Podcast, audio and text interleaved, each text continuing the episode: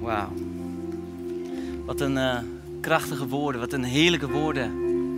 Jezus, u bent meer dan genoeg voor mij. En wat een sterke woorden in een seizoen als dit. En het is mijn gebed dat ze waar zijn voor jou, hier in de zaal. Het is mijn gebed dat ze waar zijn voor jou, als je thuis kijkt of op een andere plaats met vrienden. Het is ook mijn gebed dat wat er bij jou thuis gaat gebeuren, krachtiger is als wat er hier gaat gebeuren. Weet niet hoe, maar gelukkig is dat aan de Heilige Geest van God. En hij kan alle dingen doen. Zullen we de band bedanken? Zullen ze een applaus geven? En uh, super dankbaar. Wie heeft er een beetje zin in vanavond? Kijk, hey. Lekker man, jullie zijn wakker. Um, het is voor mij echt een uh, voorrecht om hier te mogen staan en heel gaaf om te mogen spreken. Ook juist in een seizoen als deze. Uh, ik spreek niet meer overal, maar ik kom hier heel erg graag. Ik heb hier inderdaad mooie herinneringen. Uh, Martini Plaza, maar nog vele andere. Er waren momenten dat er zelfs geen stoelen genoeg waren. Daar hebben we het net nog over gehad. Maar wat is het tof om te zien dat God zijn koninkrijk bouwt. En dat er steeds meer mensen bijkomen en aanhaken. En dat God in een seizoen, ook als deze, um, gewoon ook doorgaat. Wie van jullie is er al achter dat God in dit seizoen niet verslag is? Nee. En um, wie van jullie zou daar ook wel wat van kunnen gebruiken? Van dat niet verslag zijn? ja, ja, toch?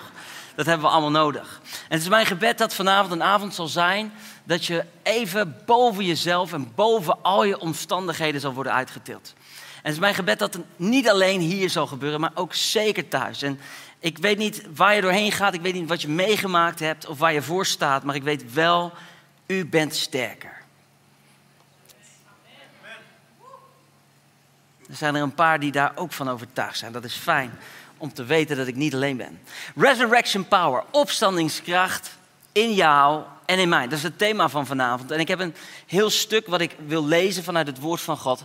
En het woord van God zegt zo mooi over het woord van God dat het gras verdort, de bloem valt af, maar het woord van onze God houdt eeuwig stand. Dat betekent dat Gods woord is niet veranderd, ook al veranderen wij. Gods woord is niet veranderd, ook al verandert onze maatschappij. Gods woord is niet veranderd, al verandert alles om ons heen. En het mooie is, dat maakt het een anker waar wij onszelf elke keer weer aan vast kunnen pakken. Wat ik gewoon zo mooi vind, is dat God niet van zijn troon valt, dat hij denkt, oei, hoe gaan we dit nu weer oplossen? Voor hem is niets een verrassing. Hij weet de dingen. Ik geloof zelfs dat God niet in de tijd is zoals wij. Dat hij nog moet wachten op betere tijden. Maar dat hij daar ook al is. En de Bijbel die spreekt over een andere realiteit als dat wij soms in de werkelijkheid voor onze eigen zintuigen meemaken. En je leren focussen op die realiteit, je leren focussen op die opstandingskracht in jou, maakt dat je kunt opstijgen, boven je omstandigheden kunt staan, al is het nog zo lastig om je heen. Wie van jullie heeft zin om op te stijgen? Ik zou zeggen, gordels om, want dan gaan we. Romeinen 8 zelf.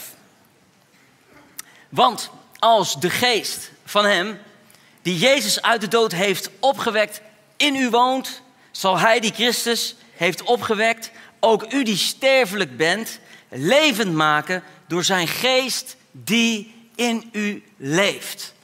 Even pauze. We gaan zo door deze tekst heen met korte pauzes. Je kunt de Bijbel soms zo makkelijk lezen dat je niet realiseert wat daar echt staat. Daar staat als de geest van God, die Jezus uit de dood heeft opgewekt, in jou woont. Hallo, weet je wel. Zal hij jouw sterfelijke lichaam levend maken. In andere woorden, er is een krachtbron aanwezig in jou die dezelfde was als dat Jezus uit de dood deed opstaan. Dat is Gods belofte aan jou en die woont in jou. Nou. Amen. Broeders en zusters, we hoeven ons niet langer te laten leiden door onze eigen wil. Want als u dat wel doet, zult u zeker sterven. Als u echter uw zondige wil doodt door de geest, zult u leven. Want alle die door de geest van God worden geleid, zijn kinderen van God. U hebt de geest niet ontvangen om opnieuw als slaven in angst te leven, maar u hebt de geest ontvangen om Gods kinderen te zijn. En om Hem te kunnen aanroepen met Abba, Vader. Wat een super mooie woorden. God zegt, mijn geest woont in jou, mijn opstandingskracht heb ik jou gegeven. En je hoeft je daardoor ook niet meer te laten leiden door wat je zelf allemaal denkt of vindt, want uiteindelijk leidt dat tot verderf. Maar je kunt op mij vertrouwen. Ik zal je leiden. Ik zal voor je uitgaan. Sterker nog, door mijn geest in jou geef ik jou het vermogen om mijn kind te kunnen worden. En te kunnen uitroepen, papa God, Abba Vader. Dat is waar de Bijbel over spreekt. Dat als je door Gods geest geleid wordt, dat je een kind van Hem bent. En dat je in die vrijmoedigheid dan ook met God mag omgaan. En dat is nog best wel een beetje een ingewikkelde, want ik weet nog heel goed dat ik de eerste keer de vergelijking hoorde tussen eh, God als vader. Papa is helemaal een heel vrijmoedig woord, maar Abba ja, heeft er toch wat van weg. Maar diezelfde God staat in het Oude Testament eh, de, de boeken vol van geschreven dat als je bij hem in de buurt komt, dat je dood kan neervallen. Zo heilig. Dus hoe kan het een papa zijn waar je dood neervalt, zeg maar?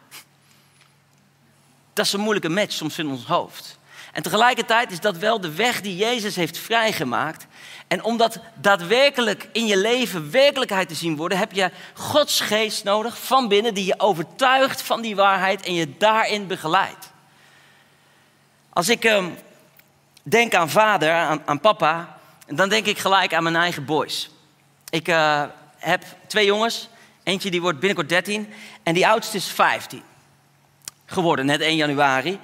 En um, dat is trouwens een lekkere datum om jarig te worden. Maar goed, dat zal ik je besparen, dat verhaal, hoe dat is gegaan, 15 jaar geleden. Hij is nu op de leeftijd dat hij, uh, nou ja, sterker wordt. En hij heeft ook de gym ontdekt. En hij heeft ontdekt dat als hij eh, push-ups, sit-ups, weet ik het allemaal, dat hij kast wordt, vindt hij zelf. Dus um, nou, dat, dat, straalt hij uit, kast. En um, ik ben natuurlijk het doel om te verslaan. Dus zo'n beetje elke dag probeert hij mij te verslaan. Um, en dat doet hij met al zijn kracht. En soms op een manier waarop ik het zie aankomen. En soms op een manier dat ik het niet verwacht. En dan had hij gisteren had hij iets nieuws bedacht. Als ik met hem stoei, dan heb ik hem altijd op de bank of wat dan ook. En dan hou ik hem in de houtgreep of met mijn benen eromheen. Dan komt hij er niet uit. Dat is mijn manier van stoeien. Dus een beetje knuffelen ook, weet je wel. En dan af en toe natuurlijk even met mijn knokkels over zijn hoofd. Een beetje pijn doen, maar niet echt pijn, weet je. Ik bedoel, ik ben zijn vader, ja toch? Abba, papa. Um, gisteren, volgens mij was het gisteren, zet hij gewoon zijn knie op mijn achterhoofd.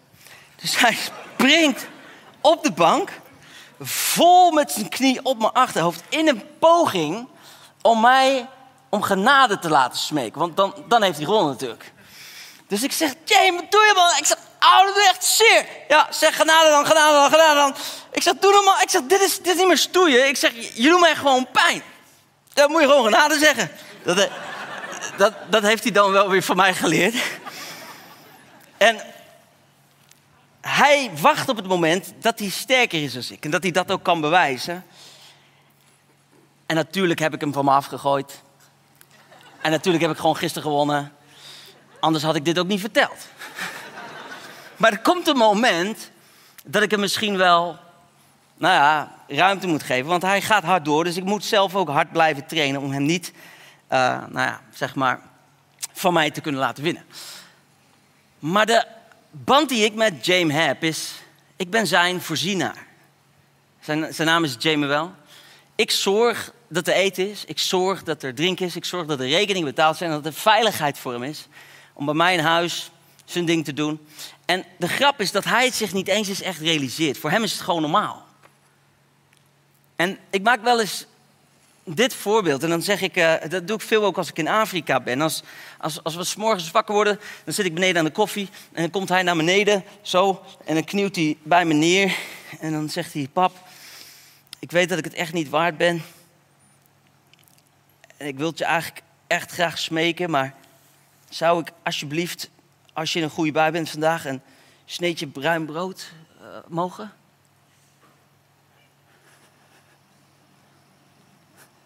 Nee, weet je hoe die naar beneden komt? Yo. Pap, waar is het brood? Zoveel vrijmoedigheid dat het gewoon bijna awkward is. Weet je? Dat je denkt, het, ben je nog dankbaar voor alles wat ik voor je doe? Maar hoe vaak hebben wij die houding niet naar God toe? Dat we smeken en plieden en dat we bij hem komen. En dat we denken, nou, als hij goed gezind is en als hij misschien, en ik, ik, zal, ik ben het. Terwijl hij zegt, ik geef je mijn geest die aan de binnenkant overtuigt dat ik je vader ben. Dat je mij papa God noemen mag. Dat is nogal wat. Dat is die, die opstandingskracht van binnen die de vrijmoedigheid geeft om ook tot God te naderen. En natuurlijk heb ik het niet over dat je met God kunt stoeien. Ik heb trouwens geen idee als we in de hemel komen. Ehm, maar he, zoals dat bij mij gebeurt. Maar Jezus zegt zelf, als jij al als aardse vader goede dingen weet te geven aan jouw kinderen, hoeveel te meer je hemelse vader zijn geest als je hem daarom vraagt. Hoe heerlijk is het? En wat een realiteit is dat voor jou en voor mij om ons te realiseren dat we met zijn geest zelfverzekerd kunnen zijn. De geest zelf verzekert onze geest dat wij Gods kinderen zijn. En nu we zijn kinderen zijn, zijn we ook nog erfgenamen. Erfgenamen van God. Samen met Christus zijn we erfgenamen. En wij moeten delen in zijn lijden om met hem te kunnen delen in Gods luister. Nou, dit is zo'n zinnetje die we liever schrappen, weet je. Delen in zijn lijden. Ja. Volgende. Of moet ik er misschien juist wel wat over zeggen? Als we delen in zijn lijden, dan kunnen we ook delen in zijn luister. Als we leren door de pijn heen te gaan, dan staat er iets moois tegenover wat we misschien niet begrijpen op het moment dat het, dat het zeer doet. Sommige mensen zeggen, ja, maar David, God doet mij geen pijn. Hij zou me nooit pijn doen. Dan heb ik wel een vraag aan je. In welke wereld ben jij dan geboren? Dit is een wereld waar pijn en verdriet is. Maar is het hoogste doel in het leven om een pijnvrij leven te leiden? Of is het hoogste doel in het leven om ook door de pijn en de tranen zijn volmaakte liefde te leren kennen? Wajo. En ik, ik, ik raak er steeds meer van overtuigd. Dat het leven is niet zozeer een pleasure ride waarin wij allerlei dingen leren te ontwijken, maar dat we juist ook door de dalen heen God ontmoeten, want, want Hij is daar. Hij is daar met jou, met mij. En ik ben ervan overtuigd, staat er dan ook zo mooi, dat het lijden van deze tijd in geen verhouding staat tot de luister die ons in de toekomst zal worden geopenbaard. De schepping die ziet er rijkhalzend naar uit dat openbaar wordt wie Gods kinderen zijn. En waarom is de schepping daar zo naar op zoek? Ik heb er echt heel veel over nagedacht. Ik denk mijn hele leven al heel veel na, maar vooral ook dit thema. Wat onderscheidt jou en mij nu van de mensen die leven in deze wereld zonder God? Wat is het grote verschil? Is het dat ons minder overkomt? Is het dat wij veel meer bespaard blijven? Is het dat we altijd vrolijker zijn? Wat is het? Wat maakt nu dat jij en ik anders in dit leven kunnen staan dan zoveel andere mensen. En de Bijbel die omschrijft hier dat de schepping hunkert naar mensen die weten wat het is om te leven door de kracht van de Heilige Geest in de vrijmoedigheid van het zijn van een kind van God.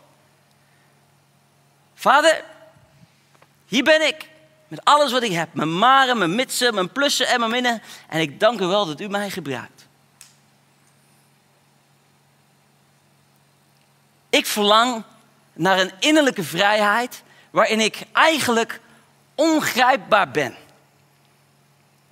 En heb ik het niet over dat ik niet te begrijpen ben, want anders zou ik niet moeten preken. Maar ongrijpbaar als het aankomt op wat iemand van me vindt. En dat kan heel makkelijk klinken als zo van scheid aan, maar scheid aan, daar heb ik het niet over. Ik heb het erover dat ik meer waarde hecht aan wat mijn vader zegt dan wat jij denkt. En dat is best wel een beetje een battle. In die battle moeten we allemaal gaan. Maar ik merk hoe langer ik ermee bezig ben en hoe meer me ik erop focus, hoe vrijer ik word. Want mijn Bijbel zegt dat ik door de kracht en de opstandingskracht van de Heilige Geest zijn kind ben. En bij hem komen mag. En vol ben van zijn Heilige Geest. En weet je, daar wacht de wereld op om dat soort mensen te ontmoeten. De wereld wacht niet om van jou te horen wat wel en niet mag. De wereld wacht niet om van jou te horen wat jij wel of niet ervan vindt. Maar de wereld smacht naar die opstandingskracht van Jezus die in jou en in mij borrelt. Amen. De schepping ziet er rijkhalzend naar uit dat openbaar wordt wie Gods kinderen zijn. Want de schepping is ten prooi aan zinloosheid. Niet uit eigen wil, maar door hem die haar daaraan heeft onderworpen. Uh, zoveel mensen leven een zinloos leven. Er is geen betekenis. Wie ben ik? Waar kom ik vandaan? Waar besta ik voor? Waar ga ik naartoe? Mensen houden zichzelf bezig. Zijn aan het binge-watchen de hele dag. Maar waar gaat het heen? Ik zeg niet dat, het, dat je geen serie kan kijken hoor, want ik vind het heerlijk. Maar als dat je hele leven is, dan heb ik wel medelijden met je. Maar ze heeft hoop gekregen. Omdat de schepping zelf zal worden bevrijd uit de slavernij van de vergankelijkheid en zal delen in de vrijheid en de luister die Gods kinderen geschonken wordt.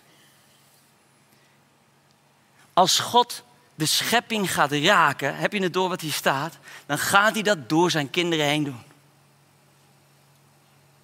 Is de vrijheid van Gods geest, de opstandingskracht in jou en in mij, is de opstandingskracht waar de wereld op wacht, waar de schepping op wacht, wat zichtbaar worden mag, juist in een seizoen als deze.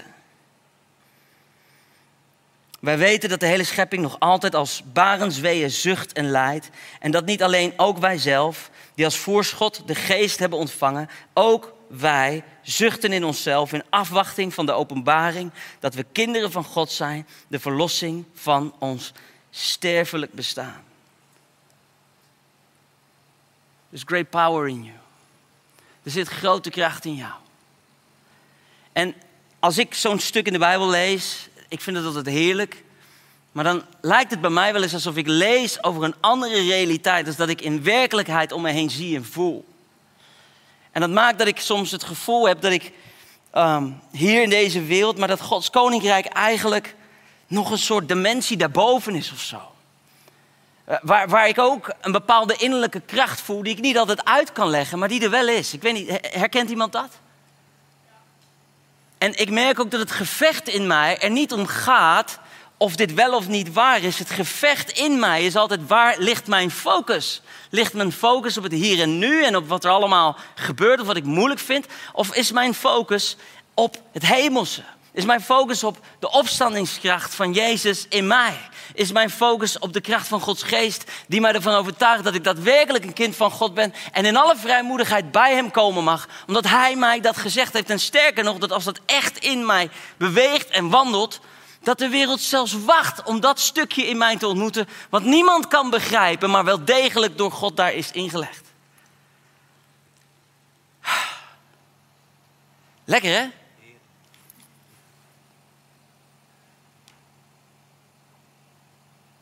Ik weet niet waar jouw focus is dit seizoen. Maar gelukkig zijn we niet alleen. God heeft ons prachtige beloftes gegeven. Opstandingskracht. Met als gevolg dat mensen in jou gaan zien wie God is. En deze uitspraak is misschien wel bij bekend. With great power comes great responsibility. Met grote kracht komt ook grote verantwoordelijkheid. En degene die um, weet, deze quote komt van ome Ben, uncle Ben van Spider-Man. With great power comes great responsibility. Nu heb ik gelukkig nog een paar meer mensen wakker. Zei die nou Spider-Man? Ja, ik zei Spider-Man. Als je grote kracht is toevertrouwd, dan heb je ook grote verantwoordelijkheid te dragen. En we spreken hier over de opstandingskracht vanuit het graf van Jezus die in jou woont. Spider-Man is er niks bij.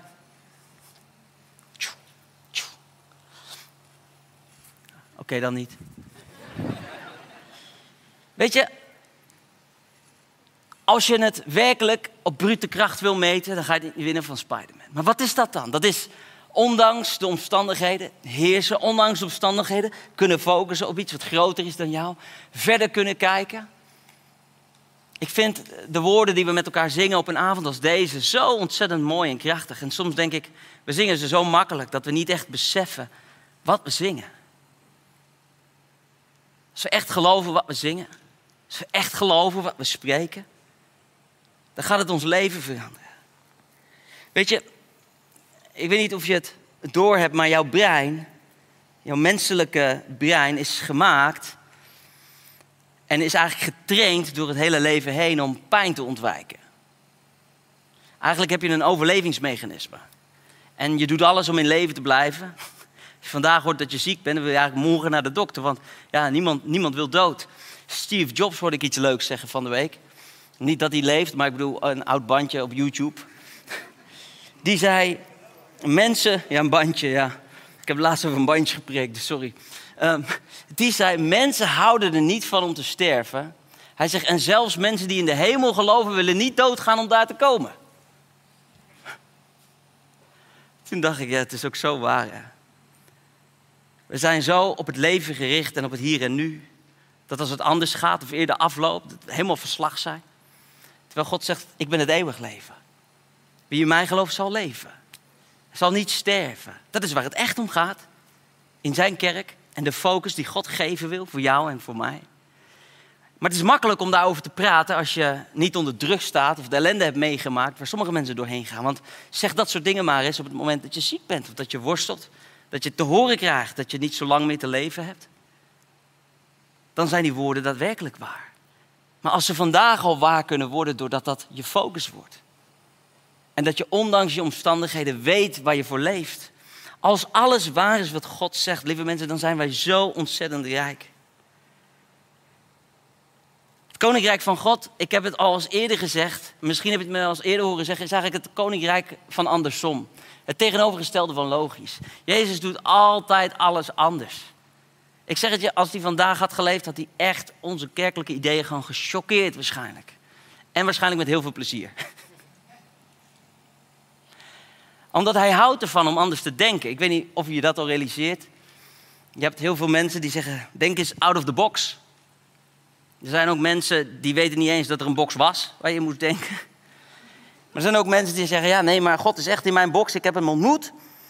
Als je God in jouw box ontmoet, dan is dat omdat jij in die box zit. Niet omdat hij zo denkt.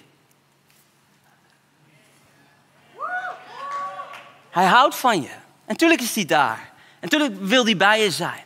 Maar ga het niet gebruiken om je gelijk te bewijzen. Jezus zei, als je sterft, zul je pas werkelijk leven. De graankorrel moet eerst dood. Sterven is niet leuk. We willen ontwijken. Ik heb helemaal geen zin om dood te gaan. En toch leert het koninkrijk van God dat hoe meer ik van mezelf verlies, hoe meer hij zichtbaar wordt. En man, dit is ingewikkeld. Ik kan het niet helemaal begrijpen. Dat is ook de bedoeling. Je moet overgaan tot vertrouwen. Thanks. Het is het tegenovergestelde van wat jij en ik van nature gewend zijn. Wij overleven, hij overwon. Wij ontwijken, hij confronteerde. Wij vluchten en hij rent tegemoet. Ik weet niet of je wel eens gehoord hebt van, uh, van Edith Eger. Zij is een Holocaust survivor en heeft in de concentratiekampen gezeten. Zij moest dansen voor een van die Duitse uh. Het is een verschrikkelijk verhaal. Maar ze heeft het overleefd. Ze is nu een hele oude dame. En, en, en zo'n oude dame met glans. En toen ik begin van dit jaar op retraite was om te bidden, toen, toen heb ik een interview met haar gezien. En, en daar is zij aan het spreken over verschrikkelijke dingen die ze heeft meegemaakt. Echt verschrikkelijke dingen. Dingen die niet te vergelijken zijn met waar jij en ik vandaag de dag doorheen gaan. Met alle respect waar je voor staat en hoe moeilijk het is. Als ik die verhalen hoor, dan denk ik, het is mens oneerend. Je kunt je het niet voorstellen. En zij zegt, met alles wat ze heeft meegemaakt, dat ze kan kiezen om werkelijk vrij te zijn op het moment dat ze kan loslaten, kan vergeven. En dit zijn van die onbegrijpelijke verhalen. Ik mensen, hoe kan jij dat zeggen na alles wat je hebt meegemaakt? En dan zit ze daar te stralen en zegt ze, ja, ik heb een keuze. Ze heeft ook zo'n mooi boek geschreven, dat heet De Keuze. Maar een van de dingen die zij zei, is je hebt meer moed nodig om te leven dan om te sterven.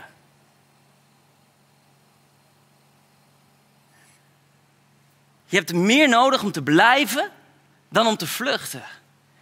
Je hebt meer kracht nodig om door de pijn heen te gaan dan te denken, dit is het. En ik dacht, het is zo waar. En een ander ding wat zij zei is, echte vrijheid zit niet in je omstandigheden, zit ook niet in de partner met wie je bent, maar echte vrijheid zit in jezelf. Zij zei, ik kon kiezen om vrij te zijn, ondanks dat ik in mijn omstandigheden gebonden was. En weet je wat ik zo mooi vind? Zo iemand als zij, zij mag het zeggen. Want zij heeft echt vastgezeten. Voor mij kun je nog zeggen, joh, wat, weet je wel. Maar zij, als zij zoiets zegt, dan denk ik, wauw, werkelijke vrijheid. Maar wat betekent dat voor jou en betekent dat voor mij vandaag? Als zo'n dame ons daarin kan zijn voorgegaan. En ik dat dan vergelijk met waar ik in zit, in mijn leven, waar ik doorheen ga op dit moment. En mijn Bijbel mij eraan herinnert dat de kracht van de levende God in mij woont door zijn Heilige Geest. dan heb ik een keuze. Ik heb een keuze in waar ik me op focus, in waar ik naar kijk. Ben ik bezig met Gods opstandingskracht in mij of laat ik me door alles frustreren? Volgens de statistieken is een derde van de jongeren in ons land down door de lockdown. Dat is een leuke woordspeling, hè? Maar het is geen leuk feit. En ik, ik weet dat het waar is. Ik heb het bij mezelf gezien. Het is zo lastig soms dat je niet weet waar je toe bent.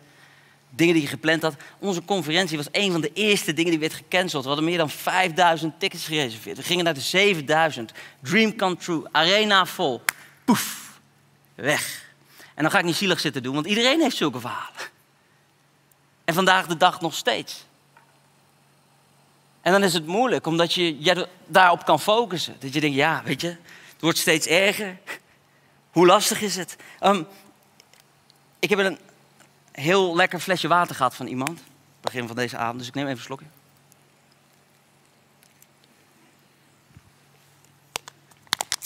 En zo'n flesje water is niet heel erg zwaar.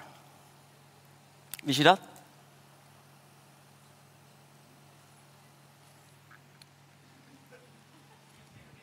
Ik kan het best wel even volhouden.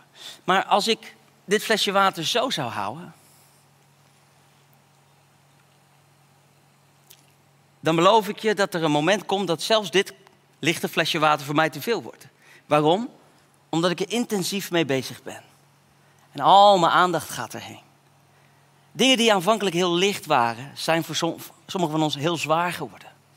Omdat we al onze aandacht en tijd eraan geven. En hier staat God en die zegt, mijn geest woont in jou, mijn opstandingskracht is in jou. Zoveel mooie dingen om dankbaar voor te zijn. Maar we worstelen met het ene flesje water. Wat uiteindelijk ook zwaar wordt. Misschien is het vanavond tijd om jouw flesje water aan Jezus te geven. En te zeggen, Heer, wilt u mij helpen om mijn focus op u te krijgen? Colossense 1 vers 11 zegt het zo mooi. En u, dat is u, zult door zijn luisterrijke macht de kracht ontvangen om alles vol te houden en alles te verdragen. Hoeveel valt er onder alles? Een heleboel. Alles. En misschien heb je die tekst nodig. En ik, ik zal hem je nog een keer geven. Want er staat in Colossense 1 vers 11. Ik vond het zo grappig. Ik had het op Instagram gepost. Van, uh, weet je, toen er weer nieuwe maatregelen waren. Ik denk dat even een uh, lichte bemoedigen. Toen reageerde iemand anders. Ja, maar ik ga niet dit en ik ga niet dat en ik ga niet zus. En toen dacht ik, heb je nou serieus niet gelezen wat er in de Bijbel staat? God zegt, ik geef je kracht om alles verdragen. Ik zal je de macht, hè, en u zult door zijn luisterrijke macht de kracht ontvangen om alles vol te houden en alles te verdragen. En alles is een heleboel. Maar God die belooft jou en mij, we zijn er niet alleen in. Hij is erin. Colossense 1 vers 13 is ook zo'n hele mooie eye-opener. Hij heeft ons gered uit de macht van de duisternis en ons overgebracht naar het rijk van zijn geliefde zoon. Er staat niet dat Jezus ons gered heeft uit de duisternis. Er staat dat hij ons heeft gered uit de macht van de duisternis. Hallo? Weet je wat dat verschil is? Dat het kan nog steeds donker om je heen zijn het kan lastig om je heen zijn. Het kan moeilijk zijn. Het kan nog zelfs veel moeilijker worden. Maar hij zegt, je hoeft er niet onder te lijden, want je bent niet in de macht ervan. Je hebt mijn geest, die woont in jou en die is sterker. En daar kun je mee verbinden, zelf thuis of met elkaar. En door mijn kracht, mijn omstandingskracht in jou, is er een wereld die ernaar hunkert om iets van mij in jou te zien.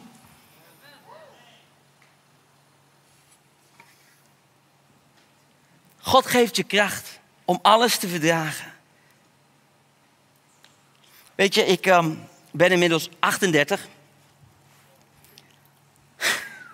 ja, ik hoorde echt een hele zware wow. En um, dat betekent dat ik eigenlijk een beetje richting mijn midlife ga. Dus ik ben bezig met het halen van mijn motorrijbewijs. Misschien kom ik volgende keer wel op de motor. Maar ehm, een van de dingen die ik geleerd heb met het motorrijden is dat je vooral niet moet kijken waar je niet heen wil. Dus dat betekent dat als je. Ik, ja, er zullen hier vast veel ervarende uh, motorrijders zijn, dus als ik het verkeerd zeg, dan sorry. Ehm, maar je moet zo leren zo'n rondje te draaien, zo'n achtje te maken. En dan ga je met je motortje zo, zeg maar, dat achtje draaien. Maar punt is dit: als ik hem hier omdraai en daarna kijk, beland ik nooit daar. Dus ik moet met mijn hoofd helemaal omdraaien zo. En dan de achteraan. En dat is best wel een beetje wennen. Maar dat is wel hoe het werkt.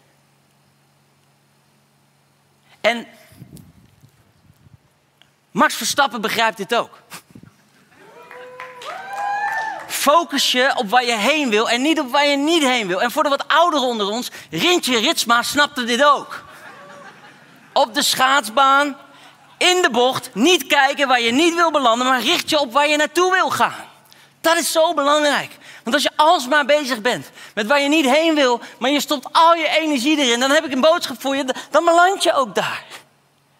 En ik ben bang dat we zoveel verloren zijn van het moois wat we hebben, puur omdat we onze focus verleggen. Als ik een wit scherm met erop een klein zwart stipje in het midden zou projecteren op dat scherm en zou zeggen: Wat zie je daar?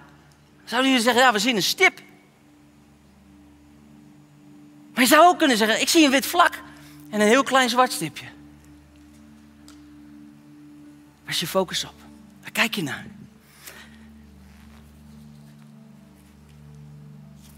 We zijn bijna aan het einde van het verhaal. De muziek is begonnen. Zijn jullie er klaar voor? Ik heb hier een heel mooie schildersstok uh, meegenomen. Waar ik zo'n roller op zette, weet je. Hebben jullie dit soort dingen niet hier in Groningen? Je zit me allemaal zo aan te kijken van... Je kunt dus heel, het is heel makkelijk. Je zet er een ding op en een roller en dan kan je zo... Je hele huis verven. Daar is die voor. Als ik deze zou proberen te balanceren doordat ik naar mijn hand kijk, dan beloof ik je dat me dat niet zo snel zou lukken. Maar als ik mijn focus verleg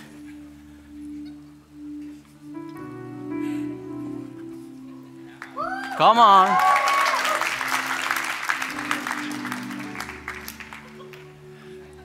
U bent sterker.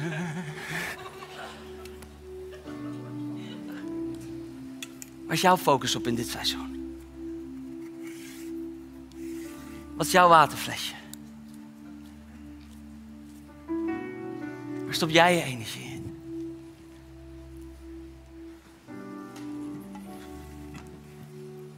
God zei, ik geef je door mijn luisterrijke macht, mijn opstandingskracht, kracht om alles, alles, alles te verdragen, overal doorheen te gaan. Zullen we met elkaar gaan staan in die, in die je kunt? En je mag thuis ook meegaan in gebed op dit moment. Hey, en wat een voorrecht is het hè, dat we bij elkaar mogen zijn. Vind je dat niet heerlijk? Hey, ik ben daar zo dankbaar voor. Want sommigen van jullie hebben dit keihard nodig. Keihard nodig. En je voelt het ook van binnen. Het wordt gewoon om je geknokt. Je gedachten schieten alle kanten op. En ik, ik wil echt niet naar beneden halen waar je doorheen gaat of hoe lastig het is. Maar ik wil wel tegen je zeggen. Er is iemand die is sterker. En er is opstandingskracht in jou. Alleen er is één probleem. Hij kan niet kiezen waar jij aan denkt. God kan voor jou je focus niet verleggen. Dat kan je alleen zelf doen. En dat mag je doen vanavond. Soms ogen sluiten. Vader in de hemel, dank u wel. Dat we met zoveel jongeren bij elkaar mogen zijn. En dat er zoveel mensen ook meekijken. Lieve Heer, er zijn zoveel uitdagingen. En er is zoveel wat om ons heen verandert. Maar u verandert niet. En ik wil u danken dat u ook al in de oplossing bent in de toekomst. En dat uw karakter nog altijd hetzelfde is. Dat u zo onvoorwaardelijk veel van ons allemaal houdt. En ik wil bidden, Heer, voor iedereen die hier is. Ik weet niet waar jouw focus op is. Ik weet niet hoe moeilijk het is voor je om dit seizoen door te maken. En het kan heel zwaar zijn. Maar ik bid echt dat de hand van God je op zal tillen. Dat je je focus verlegt. Dat je Jezus mag zien vanavond. En als we zo met elkaar in aanbidding gaan, dan wil ik je ook uitnodigen dat als je bent aangesproken tijdens deze boodschap, op welke manier dan ook. Misschien wil je je flesje water aan Jezus geven. Ik heb er zoveel aandacht aan gegeven. Ik word er moe van. Dan naar het kruis te komen. Voor gebed. En dan willen we er voor je zijn. Dan willen we met je bidden. En geloven dat God je diep, diep raken zal.